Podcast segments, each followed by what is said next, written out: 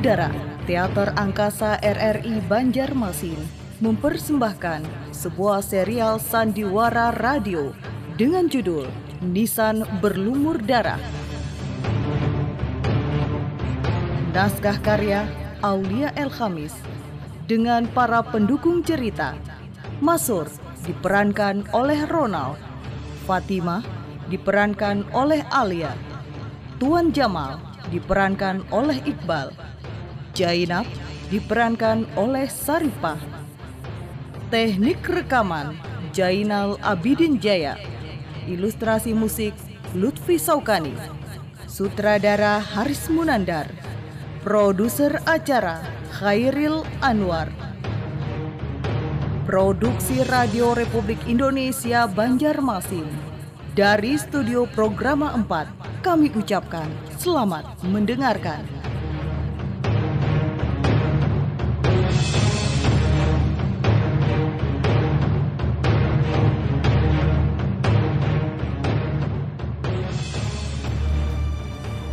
Kisah cinta terlarang dua anak manusia berakhir tragis. Fatimah dan Masyur menjalin hubungan percintaan yang mereka berdua rahasiakan karena perbedaan status sosial antara mereka. Masyur adalah seorang pemuda miskin biasa yang terkenal tampan, sopan, dan alim. Sedangkan Fatimah adalah gadis cantik anak seorang saudagar intan hingga pada suatu hari peristiwa tragis terjadi antara mereka berdua.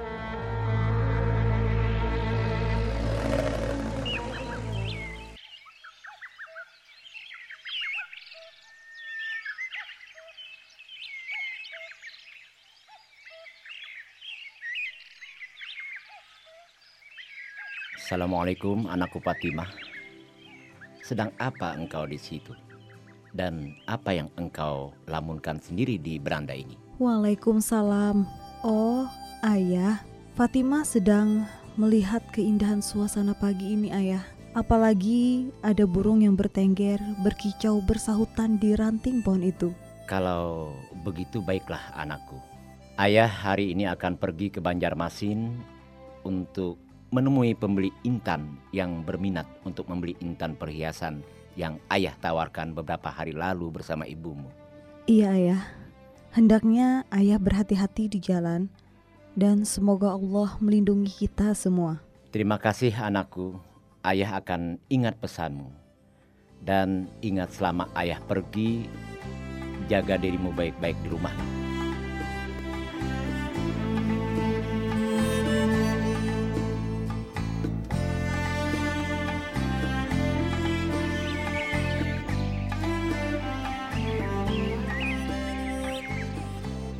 Sekali suara kicau burung itu.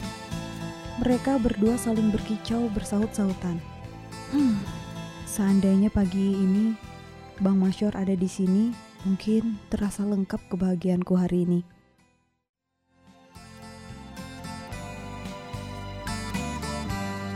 Assalamualaikum.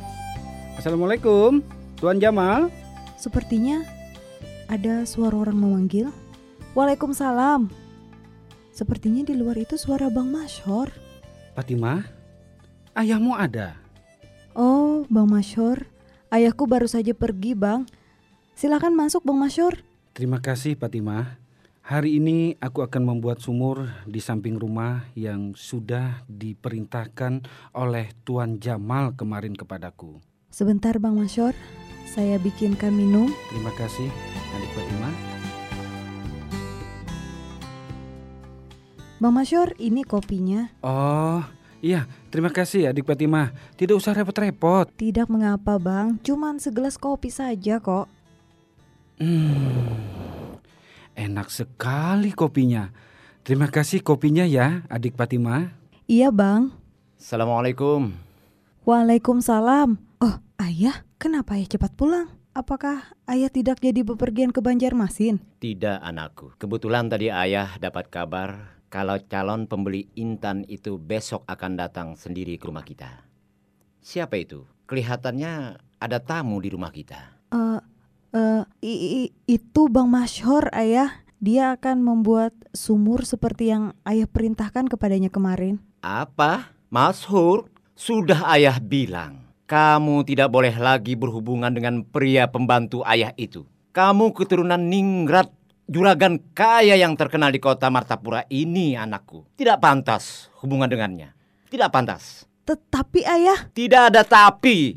Tidak ada. Cepat usir dia dari rumah ini sebelum ayah hilang kesabaran. B Baik, Ayah.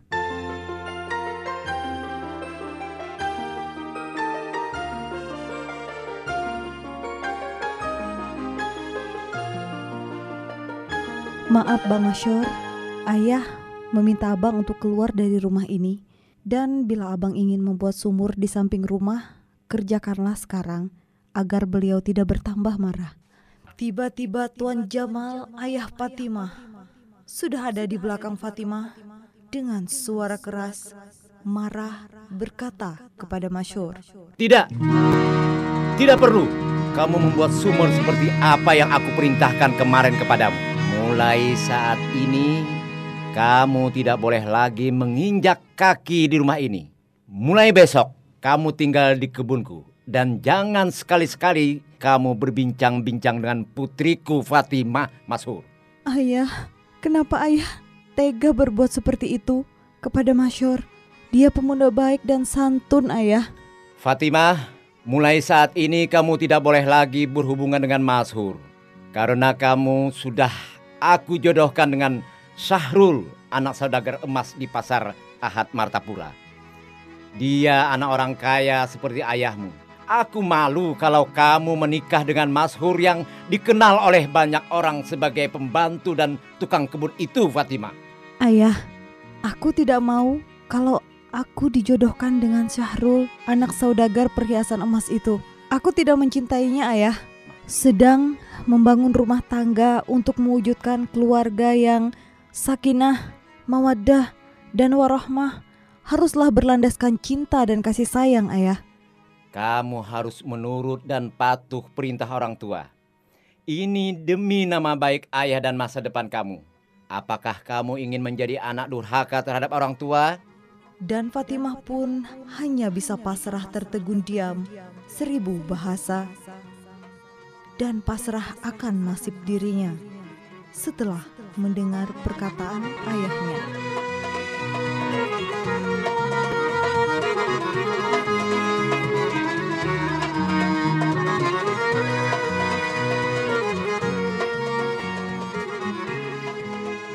Setelah itu, hari berganti hari dan minggu berganti minggu. Mashor dan Fatima tidak pernah bertemu dan peristiwa heroik dan memilukan itu pun terjadi.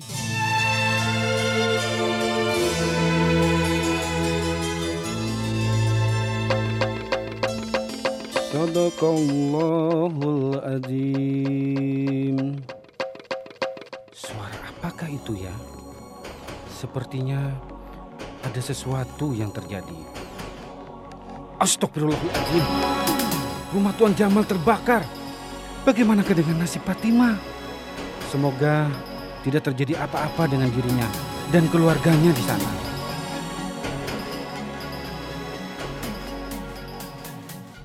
Siapakah pemuda yang menggotong anakku itu? Oh, Ternyata itu adalah Mas Hur yang menolong putriku. Semoga tidak terjadi apa-apa dengan dirinya.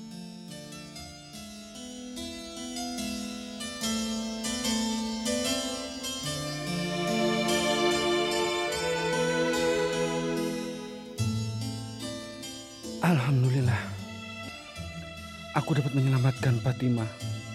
Namun, rasa sakit di sekujur tubuhku terasa sangat menyiksaku. Oh,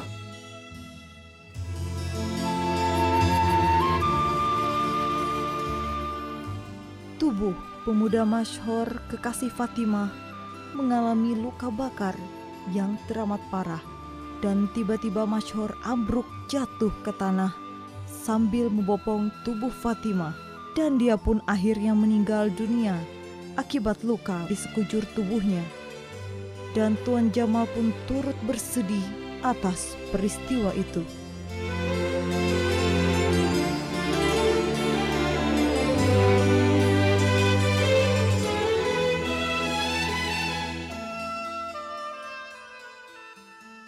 Aku sangat menyesal telah menentang hubungan anakku dengan Mas Hur.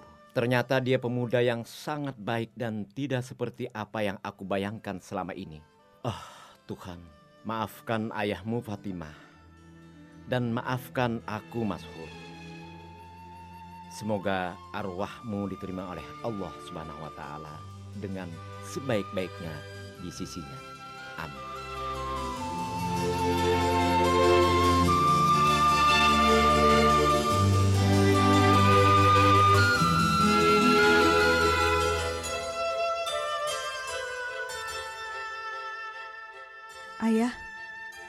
Sudah lama tidak melihat Masyur. Apakah semenjak Fatimah sakit dan dirawat di rumah sakit, Bang Masyur sudah tidak bekerja lagi di rumah kita dan di kebun, Ayah? Tidak anakku. Mas Hur telah lama tidak bekerja lagi di kebun ayah. Dia sudah bekerja di tempat lain. Begitukah, Ayah? Tapi apakah Ayah mengetahui di tempat mana dia bekerja sekarang? Ayah tidak mengetahui nak di mana dia sekarang bekerja. Ah, sudahlah anakku. Kamu tidak usah memikirkannya lagi. Ayah mendengar kabar dari tetangga bahwa Mas Hur pergi merantau ke negeri jiran Malaysia.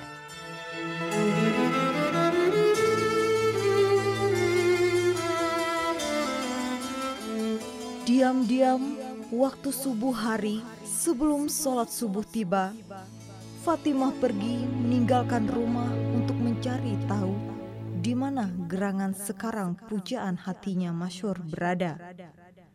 Dan ia menyeberang sungai di kegelapan subuh dengan perahu kecil yang sudah ia persiapkan sebelumnya.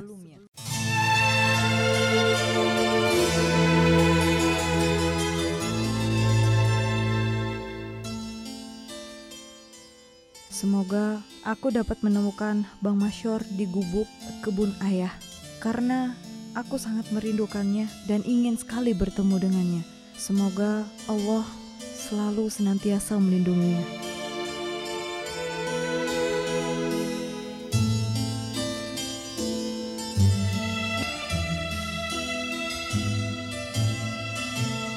Inikah gubuk tempat tinggal Bang Masyur?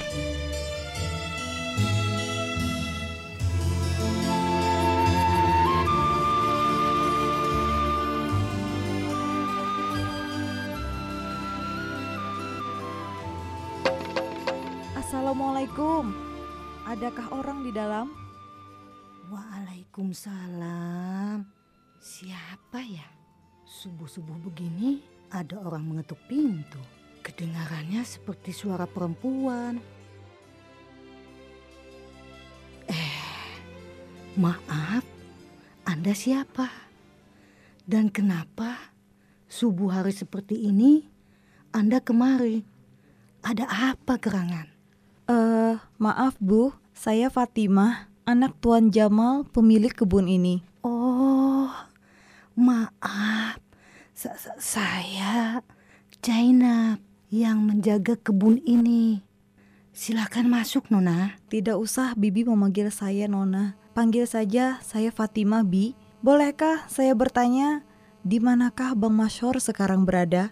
Dan sepengetahuan saya dulu, yang menjaga kebun ini kan Bang Masyur.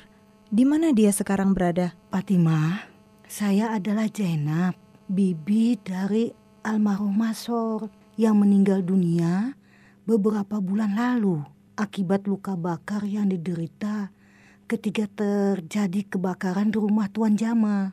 Dan engkaulah putri Tuan Jamal yang dulu diselamatkan ketika terjadi musibah kebakaran di rumah Tuan Jamal itu. Apa? Benarkah ucapan Bibi itu?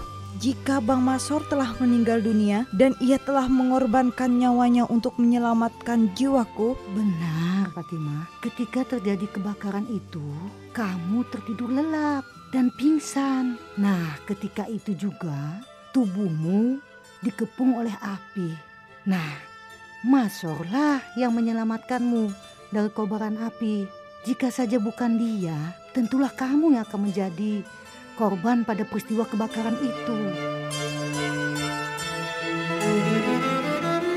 Kasihan Bang Masyur, dia telah mengorbankan nyawanya demi menyelamatkan aku. Bi, bolehkah saya tahu di mana jasad Bang Masyur dikuburkan? Aku ingin sekali melihat kuburannya. Tenang, Nak Fatimah. Hari masih subuh dan gelap. Sebaiknya kita tunggu hari agak terang nanti ya untuk melihat kuburannya si Masor. Tidak, Bi. Aku ingin melihat kuburannya dan aku ingin berdoa untuknya. Ya, baiklah kalau begitu. Kuburan Masor terletak tidak jauh dan persis di bawah pohon besar yang rindang di tepi sungai itu, Nak Fatimah. Di atas pusarannya ada kayu ulin sebagai nisannya. Terima kasih Bibi Jainab. Aku akan segera menuju ke sana. Ya, hati-hati kamu di jalan ya, Nak Fatimah.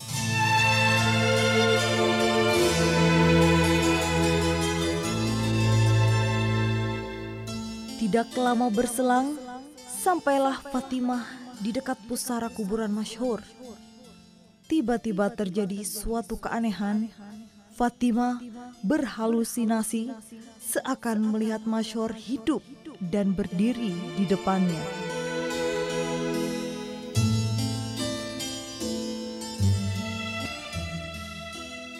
Abang Masyur, apakah itu kamu? Aku sangat mengenal senyuman itu. Aku rindu sekali Bang Masyur akan dirimu.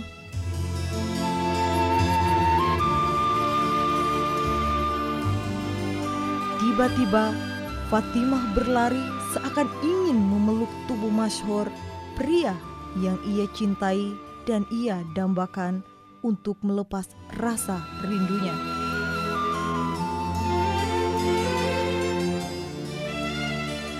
Namun tanpa disadari olehnya, tubuhnya terjatuh dan dadanya tertancap oleh nisan masyur hingga nisan itu berlumur darah.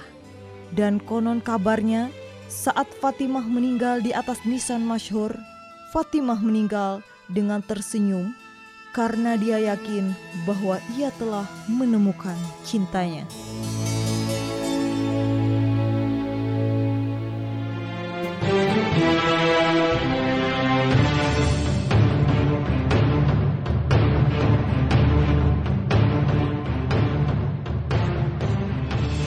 Saudara, demikian tadi telah Anda ikuti Sandiwara Radio, kisah legenda rakyat Kabupaten Banjar, Martapura, Kalimantan Selatan.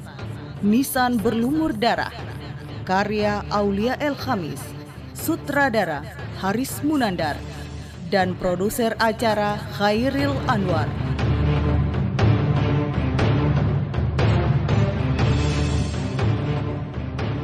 Terima kasih atas kebersamaan Anda. Sampai jumpa minggu depan dalam kisah dan judul yang lain.